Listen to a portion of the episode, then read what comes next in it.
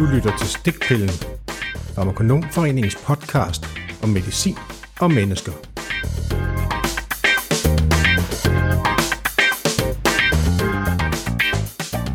Velkommen til. Mit navn er Tine K.B. Poulsen. Jeg er farmakonom og medlem af Farmakonomforeningen og arbejder til daglig i Klinisk Farmaci Aarhus. Jeg har også deltid på Aarhus Løveapotek. Du lytter til en ny podcast fra Farmakonomforeningen. Formålet er at sætte skarpt på emner, som er relevante og interessante for dig, som er medlem af Farmakonomforeningen. Det er første gang, vi optager, og vi er lidt spændte. Og jeg er med i dag, fordi jeg gerne vil sætte skarpt på emnet erektil dysfunktion. Det er et af de emner, som de fleste måske går lettere udenom, og det har jeg også selv gjort på grund af forudindtaget holdninger om barriere for kunden foran mig. Samt en usikkerhed i rådgivningen omkring lokalvirkende præparater. Men det er et emne, der fortjener fokus, fordi der er mange lægemidler, som virker forskelligt, og der kan være forholdsregler, som skal videregives for bedst virkning. Desuden fortjener fordomme om ledelsen at blive malet til jorden. Til at sætte fokus på emnet er vi så heldige at overlæge Peter Lyngdorf med os i dag. Velkommen til dig, Peter. Vil du kort fortælle, hvem du er og hvad du laver til daglig? Det kan jeg tro. Tak for invitationen. Jeg hedder Peter Lyngdorf, er speciallæge i urologi og øh, urologi. Øh, jeg overlever på Gentofte Herlev sygehus. Jeg har min egen klinik i Gentofte, en privatklinik, kun for patienter med seksuelle dysfunktioner. Den klinik har jeg haft i godt 20 år. Så jeg kender en del til problemet. Så som du rigtig nok siger, der er mange fordomme omkring det her, og det er jo lidt påfaldende, fordi man tænker på, at når pornoen blev frigivet i Danmark i 1969, så tænker man, så er alting jo, så skulle det jo være godt, så var der ikke sådan en forbud, eller for det, forbud længere, men det har haft den modsatte virkning stort set. Der blev ikke talt om det. Et meget klassisk eksempel på det, det er, at da jeg startede på at læse medicin for snart mange år siden, der var der en rubrik i journaloptagelsen, som hed Vita Sexualis. Altså, hvordan er seksuallivet? Den rubrik, den findes overhovedet ikke mere. Så, så der er kommet en barriere omkring seksualitet, og hvem man er, og hvordan man, man opfører sig og skal gebære det sig. Det, det er et tabu. Og der har jo været mange navne igennem tiden. Hvad er det mest korrekte at kalde ledelsen? Ja, der er jo ikke noget, der er mere korrekt end andet. Altså, det bedste udtryk inden for medicinsk henseende, det er altså, det hedder erektil dysfunktion. Og det, det bliver også brugt mange steder. Men ellers så hedder det jo impotens. Og det er jo et meget, meget sigende ord. Det er meget deskriptivt, fordi impotens betyder afmægtig. Det er jo det, patienterne føler sig, når de ikke længere kan opnå en rejsning. De føler, at de ikke længere er en mand længere. Så, derfor giver det også en masse hvad skal vi sige, seksuelle problemer eller psykologiske problemer, når en mand ikke kan opnå rejsning længere. Han føler, at han, han ikke længere er en mand. Han er ikke den store, stærke he længere, når han ikke kan det. Og hvem er det, der rammer, øh, eller hvem, hvem rammer lidelsen? Ja, den rammer jo bredt. Altså, tager, den ringer, især ældre folk er især udsat, eller bliver udsat for det. Men at det rammer yngre folk, teenager for eksempel. Og der er så forskellige årsager til det. Hvis vi skal tage årsagerne til det, så er langt, langt den hyppigste årsag, det er øh, dårlig kaffeforsyning. Altså arteriosterose. Den udgør vel omkring 80% af alle årsager. Tidligere tilbage til 70'erne, der mente man, at alt var betinget af, af psykologiske årsager, eller havde en psykologisk baggrund. Men efterhånden som man blev klogere på mekanismen omkring impotens, eller årsagen til det, vendte billedet, således at man regner med omkring 80% af årsagen, det er dårlig kaffestyring. Og det er jo, ligger så hos de sagens natur, det er langt hyppigere hos ældre folk, end hos yngre folk. Så er der, øh, kan det være nogle psykologiske årsager, folk med depressioner eller andre psykiske lidelser, de har også som regel en dårlig potens. Så kan der være alkoholikere, de medfører nervebetændelse blandt andet, altså nervelidelser i det hele taget, eller hvis man er blevet opereret i det lille bækken og fået skåret nerven over. Det er ikke ret mange, der er øh, få procent. Og så kan der være nogle hormonforstyrrelser, hvis der mangler testosteron for eksempel. Der er en imbalance derpå, så kan der også medføre dårlig potens. Og nu siger du selv, det er noget med, med karne. Er der nogle sygdomme, der så er mere disponeret for, at det er en følgesygdom? Ja, det er der. Nu nævner du det selv. Jeg ved ikke, om du tænker på det samme, jeg vil straks vil sige, det er diabetes. Det var nok det, du tænkte ja. på også. Mm-hmm. Diabetes, der kan man sige som, som hovedregel, at man har, har man haft sukkersyge i 10 år, så vil halvdelen af alle de patienter være impotent.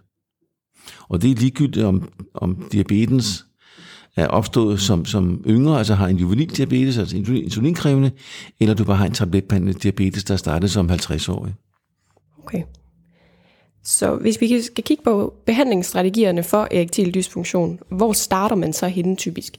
Ja, altså det, det første du gør, det er, at du snakker med patienten, og, og, og vi får hørt om, hvordan er hans livsstil. Har du en stor, tyk person, der er, storryger, så kan du sige, at der er måske godt nok nogle årsager, der kan forklare hans dårlige potens, overvægt og rygning. Og der vil man så prøve at få patienten til at holde op med, de, med at ryge og tabe sig. Og det er svært. Det kender alle, som har været overvægtige, eller dem, der har været ryger, at det ikke bare er noget, man lige gør. Men det er livsstilsændringer, og det må man prøve i første omgang, fordi det er skal vi, mere omkostningsfrit end alle andre behandlingsmuligheder. Der er ikke nogen bivirkninger til det jo, som der er ved medicinsk behandling. Så vil man også anvende eller ønske, at patienten motionerer. Det er også lidt svært at få kommet i gang med det, når folk ikke har gjort det tidligere. Så, men, men det er de livsstilsændringer, man vil forsøge. Er det så ikke nok, ja, så kan man jo så ty til medicinsk behandling, hvis man kan, eller, eller hellere sige, vi prøver at finde en årsag til det, først og fremmest. Og hvis man kan finde en årsag, lad os sige, at personen har en depression, så skal du gøre noget ved depressionen, for at simpelthen så bedre potensen. Har du mistanke om, at der er en hormonforstyrrelse, så vil du ændre hormon, eller bringe hormonet i balance igen. Det kan være, hvis patienten har det, der hedder uh, late onset hypogonadism, altså nedsat niveau af testosteron. Så kan man supplere med, med testosterontilskud. Hvis patienten har en nervebetændelse, eller er blevet opereret i det lille bækken, hvor nerven er blevet skåret over, så har du også årsag til det. Og der, der hjælper ikke nogen medicin rigtig, eller tabletbehandling i hvert fald. Der er mange ting, der virker på det. Så er der så tilbage den store gruppe, der er kendetegnet ved, at hos jeg på, de folk med aterosklerose, der er kendetegnet ved, at det kommer som regel snigende eller langsomt progredierende. Uh, patienten måske kommer lidt op i alderen, 50, 60, 70 år øh, ældre, og i løbet af de sidste par år, så er det gået ned ad bakke. Det kan de ikke længere. I starten, så kan de have svært ved at øh, vedligeholde rejsningen. Til sidst kan de slet ikke opnå nogen rejsning. Og med, med den sygestol, så ved man, at der er dårlig kaffeforsyning. Fordi arteriosklerosen, det er sådan en fremadskridende proces, der ikke kommer lige fra den ene dag til den anden. Så der kan du så sige, hvis, hvis du har fundet årsagen til det, overforkaldning, så vil du gerne behandle den. Og der var jo, da, da Viagra kom på markedet i 1998, at det var jo en revolution, fordi tidligere havde der kun været proteser og indsprøjtninger. Det kan vi komme tilbage til lidt senere. Men så kom tabletbehandling, som jo var et fantastisk effektivt middel til, at patienten kunne opnå en, en uh, brugbar rejsning igen. Under forudsætning af, at det var betinget af dårlige kar. Hvis, det, hvis den dårlige potens var betinget af overskårende nerver, så hjælper Viagra ikke. Overhovedet ikke. Det gør den ikke. Så hvis det er en, en yngre, den yngre del af befolkningen, der måske har præstationsproblemer, så vil Viagra heller ikke virke. Er det sådan, jeg skal forstå det, du siger? Ja, både ja og nej, vil jeg sige. For du kan godt give en, en yngre person med præstationsangst Viagra eller de andre præparater. Fordi det hjælper, fordi personen kan nemmere få en rejsning, når man tager Viagra. Også selvom du har en normal potens i øvrigt. Fordi folk med præstationsangst, der, som det ligger i ordet, så, så falder rejstingen, når patienten skal til at præstere noget og bliver bange, og så kan han ikke. Men har personen Viagra i kroppen, så vil den hjælpe os. Og det vil sige, at du kan bruge Viagra eller de andre, Levitra og, og uh, Cialis, som krygstok, han har sagt. Fordi så, det, han noget stødt sig til undervejs. Godt. Så lad os snakke lidt mere om lægemidlerne. Uh, nu nævner vi selv uh, nogle af de her Viagra og Cialis. Så det vil være det, vi kalder PDE5-hæmmere. Det er rigtigt. Øhm, hvordan, øh, hvordan vælger man? Altså, hvad, hvad er første valg, og er der nogle forholdsregler, vi skal tage udgangspunkt i? Der er stort set kun én forholdsregel, når det drejer sig om de tre præparater. Det er, at man må ikke kombinere det med præparater som nitroglycerin. Det er den eneste bivirkning, der er. Men det bliver ikke brugt ret meget med nitroglycerin, er mig bekendt. Øh, det er meget sjældent, jeg er en patient, som får nitroglycerin. Men de tre præparater har præcis den samme virkningsmekanisme. Og hvad er den? Jamen det, der sker, når du, hvis man tager Viagra, det er, at i en normal rejsning, uden hjælpemidler, uden Viagra for eksempel, så bliver der nogle stoffer i kroppen. PDE5, Det er et enzym, som medfører en ændring i optagelsen af calcium og, og andre ting i cellerne i penis. Det stof det bliver nedbrudt meget hurtigt af en øh, PDN5 enzym. Og det vil sige, det aktive stof, som medforrejsning, det bliver meget hurtigt nedbrudt hos den normale. Hvis det ikke gjorde det, så ville alle folk rende rundt som en satyr med irrigeret lem i lang tid. Det er heller ikke særlig godt. Så, men det, der så sker, når du tager en af de tre stoffer, så det stof, som nedbryder den aktive, de aktive stoffer i penisforrejsning, de får lov til at være længere tid i kroppen, og dermed kan personen vedligeholde sin rejsning. Så nu snakker vi blandt andet om Viagra og Cialis, og det, det er jo nok værd at nævne, hvad deres, hvad deres indholdsstof er. Og det er jo, Cialis er jo blandt andet tadalafil, og Viagra er jo sildenafil. Ja. Og øhm, der er vel noget i forhold til virkningsvarigheden af de her. Ja, der mangler lige et tredje stof, det er Levitra. Ja. Det var fil. Yes. Ja, det, den skal også, der findes også et koreansk produkt, som hedder at, at, uh, Avanafil. Av- Avanafil, ja. ja. Hvis man tager de tre kendte stoffer, altså Viagra, Cialis og Levitra, der er forskel i virkningsvarigheden, og der er forskel i absorptionen, og der er også forskel i bivirkningsprofilen. Så starter vi med Viagra. Den virker inden for en times tid, skal helst ikke tages på fyldt mave. Man skal ikke tage det sammen med et måltid, fordi så bliver stoffet ikke absorberet tilstrækkeligt hurtigt. Så man kommer ikke op på en, en høj koncentration af stoffet, hvor det kan være aktivt. Det har en halveringstid på 3,5 timer, og det vil sige, at ganger du den med to, så vil det vare cirka i 7-8 timer. Ikke at du så har rejsning i 7-8 timer, men under passende stimulation kan få en rejsning. Tager vi Levitra, den er, og det også, virker også efter en times tid. Den har en halveringstid på godt 4 timer, så den varer cirka 8 timer. Den kan man godt tage sammen med et måltid, det sker der ikke noget ved. Det sidste stof, øh, hvad hedder det, Cialis, tadalafil, det har en virkens halveringstid på 17,5 time. Så det var altså, det kan holde i halvanden døgn. Og det var derfor, da præparatet kom på markedet, så blev det weekendpillen. Det kan også sagtens tages med, med øh, et måltid. Bivirkningerne. Der er et af stofferne, som har nogle problemer med synet, og det er Viagra. Man kan få sådan et, et, øh, blåligt, gulligt syn, når man tager det. Men det er ikke noget problem, for det er ikke noget, der er specielt ubehageligt. Bare folk ved det, så, så er det ikke noget problem. Uh, alle præparater kan medføre lettere hovedpine, rødme i ansigtet og forstoppelse af næsen. Og Cialis, der har den lange halveringstid, der kan være nogle problemer med øh, fordøjelsesbesværlig dyspepsi, fordi de slapper mødemunden gradia af. Det kan også godt give nogle rygproblemer, smerter i ryggen. Ikke præcis, man ved ikke præcis, hvorfor det sker, men det er der nogen, der, der klager over. Og det er så, mens man tager lægemidler, det er ikke sådan, det er flere nej, dage nej, efter? Nej, det er ved, at når, når halveringstiden er overstået gang to, så, så er bivirkningen også væk. Fint. Så bare lige for at opsummere, hvis vi nu skal se det fra øh, et rådgivningsperspektiv på apoteket, de kommer ned og skal indløse en recept, så øh, kan det være fint for os at rådgive om, hvis man tager Viagra, altså sildenafil, at du måske skal være opmærksom på, om du tager det med eller uden mad. Helt sikkert. Og, øh, og så nævner du selv i forhold til interaktionen med nitroglycerin, fordi at det jo begge to udvider karne, så man kan risikere at få et relativt øh, hvad hedder det, blodtryksfald og det kan være dødeligt, vel i værste det er rigtigt, tilfælde. Det kan det. det kan det. Og det er jo også noget, vi som skal være, være opmærksom på, når vi har den her kunde, og lige spotte, om der er noget, de får ellers. Men ud over nitroglycerin, så er der ikke noget, du tænker, vi skal være opmærksom på, de kan købe i håndkøb? Eller? Nej, det er det ikke. Fint.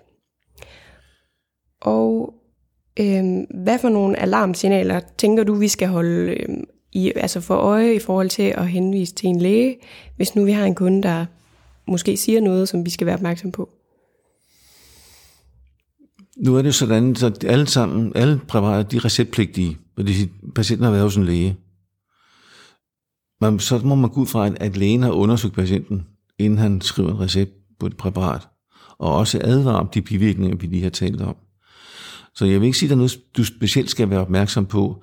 Øh, Patienterne skal selvfølgelig undersøges, som sagt, hos lægen.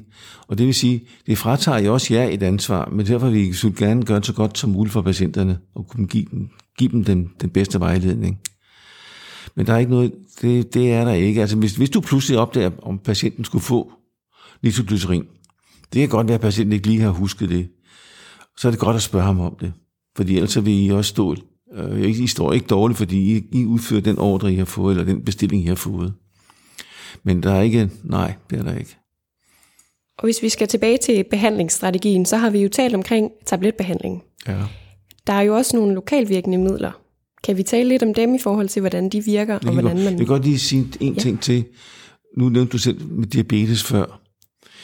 Tager man alle de tre præparater under en kamp, så virker de stort set lige godt. Cirka, tager man alle patienter, så vil cirka 65% have effekt af det. Mit indtryk er, jeg kan ikke dokumentere det, mit indtryk er, at Levitra har en lidt større effekt hos diabetikere, end de andre har. Det er kun noget med få procent. Øh, men, men det er værd at nævne alligevel, at, at hvis, man kan sige, hvis, hvis Levitra ikke hjælper hos en diabetiker, så gør de andre det i hvert fald heller ikke. Det er sket nemlig, at man kan give et præparat til en patient, det virker ikke. Så får en anden præparat, så virker det.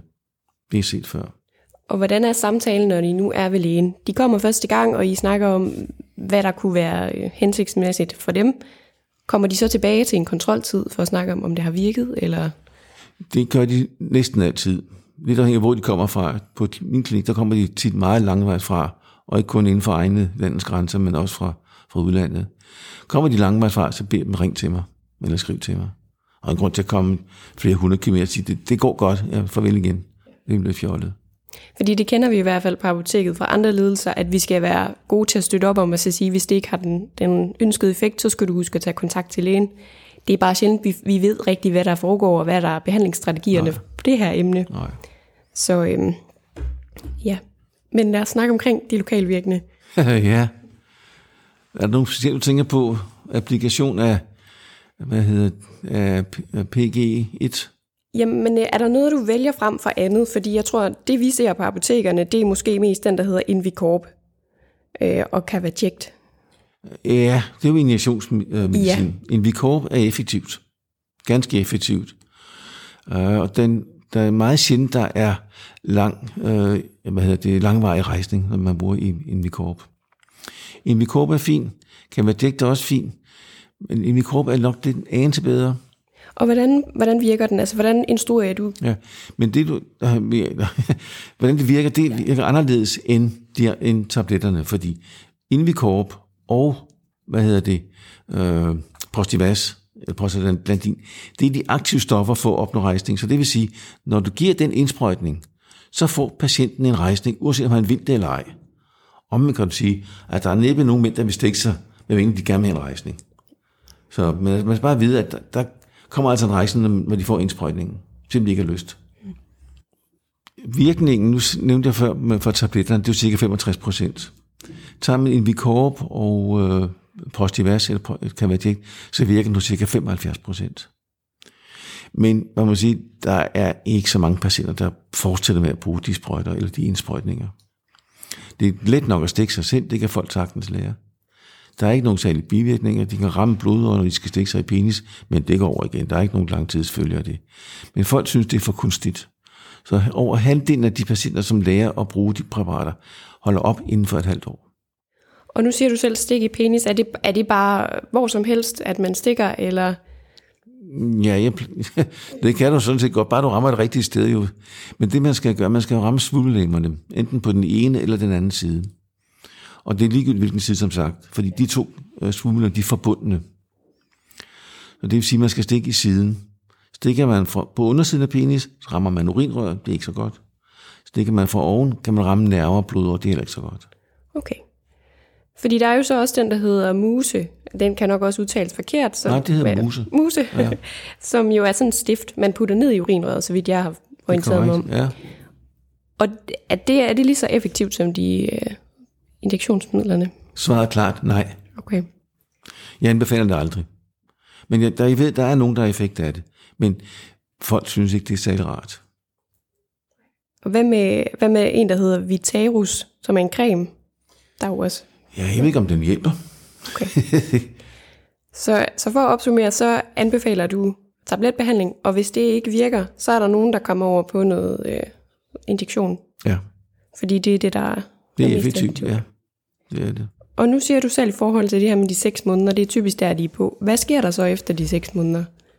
Jamen, så finder folk ud af, at man godt kan være sammen med sin partner, uden at nødvendigvis have et, et, et, et samleje. Okay. Fordi selvom du har en dårlig potens, kan du godt få orgasme og udløsning. De ting hænger ikke øh, sammen. Nej, okay. Så, så, så lærer folk at, at ja, hvad hedder det, indordne sig på en anden måde. Og det, man kan sige til det er også, altså jo ældre man bliver, des mere aftager seksualdriften. Motivationen, eller libido, om du vil, bliver mindre med alderen. Så problemet løser sig selv på den måde som regel. Så hvis vi skal vende tilbage til vores sådan perspektiv i en rådgivningssituation, hvordan vil du så øh, anbefale, at vi rådgiver kunder, der for eksempel kommer for første gang og henter noget Viagra? Er der nogle tips, du ønsker at videregive? Jamen, det var netop det med, at lad være at tage den på fuld mave. Øh, tag den en time, eller et par timer før eller efter måltid. Så er chancen for succes væsentligt større. Uh, man skal ikke være bange for at tage en stor dosis. Mange læger starter med at give den mindste dosis. Det er 25 mg for Viagras vedkommende, 5 mg for Cialis og Levitras vedkommende. Og man kan ikke få Levitra i 5 mg, mener jeg. Det er også lige meget. Man kan sagtens give den fulde dosis, eller maks dosis. Bivirkningerne er selvfølgelig lidt øh, hyppigere ved højere dosis, men, men det, de er beskedne. Så hvis vi så skal sammenligne med, hvis vi har en kunde, der har haft det mere end et års tid eller seks måneder, hvordan vil rådgivning eller fokus så være i den henseende? Altså, han har haft dårlig potent i seks måneder? Vi kan se, at han har hentet recepter på det i mere end seks måneder. Ja, så er det bare blevet. Det kan sagtens gøre. Altså, du bliver ikke, det er ikke som, som narkotika. Du skal ikke have større dosis på grund af en tilvænding. Men du skal måske have en større dosis, fordi og som er årsagen til det formentlig, det er jo en fremadskridende proces, som ikke stopper ved behandling med, med tabletterne. Og det vil sige, sygdommen bliver mere fremskridende, derfor skal der en større dosis. Så det er ikke sådan, at vi har fokuspunkter, vi skal tage hensyn til. Det er kun den her sådan førstegangskunde, hvor vi kan sige, der er sildenafil, øh, Viagra, der er noget i forhold til maden, ja. du kan være opmærksom på. Ja. Godt. Øhm, er der noget, du tænker, vi kan ellers give med, sådan de selv kan gøre? Nu snakkede vi om motion til at starte med. Er det noget, du vil anbefale, vi siger noget om? ja, det kan man da sagtens gøre, men, men jeg tror, det er som at kaste vand på en gås. Jeg tror ikke, det hjælper ret meget. For det, altså folk, som ryger, drikker, er overvægtige, ikke motioneret, de ved jo godt, hvordan det hænger sammen. Og få dem til at gøre det, det, det, det er da et forsøg værd i hvert fald. Ja, og hvis der nu sidder nogen derude og tænker, det her emne, det kunne jeg egentlig godt tænke mig lige at blive lidt klogere på, hvordan den rejse, man kommer til lægen. Øh, hvornår kommer folk til dig? Har de været ved egen læge først? Eller? Det er lidt med forskel. Øh, nogle kommer via egen læge og kontakter min klinik derfra. Andre finder mit navn i, på, på nettet eller på min hjemmeside og ringer til mig eller skriver til mig med en mail. Og nu du nævner det, jeg, jeg kan nævne det, at der går et stykke tid fra patienten oplever problemer til de er i klinikken. Der går cirka to år. Fordi mændene tænker, ah, det går nok over. Jeg har været lidt knas med konen de sidste måneder. Jeg har haft lidt for meget at lave på arbejdet. Så det skal nok gå over. Men de må så erkende, efter en del måneder, det er ikke blevet, blevet spor bedre. Så fra de første gang får symptomer til, de er på klinikken, op mod to år. Hold op. Og det er jo måske, fordi der er en eller anden fordom om, at det, at det er psykisk meget af det. Ja, det vil, er nogen, der gerne vil have at, at kunne give en psykisk forklaring på det. Andre vil gerne sige, nej, det, det, det kan ikke være det. Det må være noget fysisk, og så kommer de måske hurtigere. Men, men mændene, de er jo ikke så hurtige til at opsøge lægehjælp. For de tænker, at det går nok over af sig selv. Og jeg er jo en rigtig mand, så jeg skal ikke... Øh, nej, det, det, det er ikke noget for mig. Det kan ikke være mig, der bliver ramt af det. Så der, der, der kunne de godt lære en del af kvinderne. De går jo hurtigt til, eller hurtigt hjem, hvis det er, de føler, der er et eller andet, der ikke er, som det skal være. Og det jeg så gør ved patienter, jeg, jeg får, får først ramt en, en sygehistorie, det tager lidt tid, og fordi det er et prekært emne. Det, men omvendt ved jeg så også, at når en patient træder ind ad døren, så ved jeg, hvad han fejler. Så der er ikke noget at sige, han skal ikke stå og tøve, og jeg skal ikke tøve med, hvad der er, der er hans problem. Jeg ved det allerede. Og det er så den første barriere brudt. Og det gør det meget nemmere for patienten. Så er der, han er ikke noget, at, jeg, jeg er en, en tredje person, en ukendt person, og, og så har han ikke noget at, at, at, at tabe ved at sige det. og han ved modsat måske den praktiserende læge, at det her det er faktisk en ting, at du kan beskæftige dig med det, de her problemer. Ja, og der må man så også sige, at der har jo tidligere været tabu fra egen læges side også, fordi mange læger sagde tidligere, når der kom en patient og beklagede sig over, at potensen ikke var så god, så var svaret fra lægerne meget ofte, og det er vigtigt at snakke om, eller det kan der ikke gøres noget ved. Og det var lige så meget udtryk for lægernes egen blufærdighed, som for patientens. Men det, det problem er der ikke på min klinik, fordi jeg ved, hvad de fejler. Det er, det er dejligt, at der er sådan nogle klinikker rundt omkring. Ja. At uh, man bare kan komme ind uden henvisning. Ja. Det gør det nok nemmere for nogen. Det, det, det, det gør de, fordi så er de fri for at orientere egen læge om det. Ja. Sender du noget materiale ud til egen læge? Nej, det gør jeg ikke. Hvis patienten vil få, eller ønsker det, så ja. Men lægen har jo ikke, eller egen læge har jo ikke kontaktet mig. Så, så det gør jeg ikke. Fordi, og det kan jo netop være, fordi patienten ikke ønsker, at egen læge skal vide det. Det sker, at patienterne siger til mig, du må ikke sende noget besked til min egen læge. Og det gør jeg ikke alligevel. Fordi hvis de vil have en, en kopi af journalen, så sender jeg den til, til patienten. Fint. Så det er i hvert fald noget, der er vigtigt at pointere, at man kan faktisk være mere eller mindre anonym i forhold til en sådan øh, lægemæssige baggrund. Ja, det kan det. Vi skal desværre til at runde af, Peter. Tak fordi du havde lyst til at dele ud af din viden. Velbekomme. Jeg er sikker på, at der sidder en masse farmakonomer derude, som er ved lidt klogere. Tusind tak til dig. Selv tak. Og her slutter dagens afsnit. Tak fordi du lyttede med.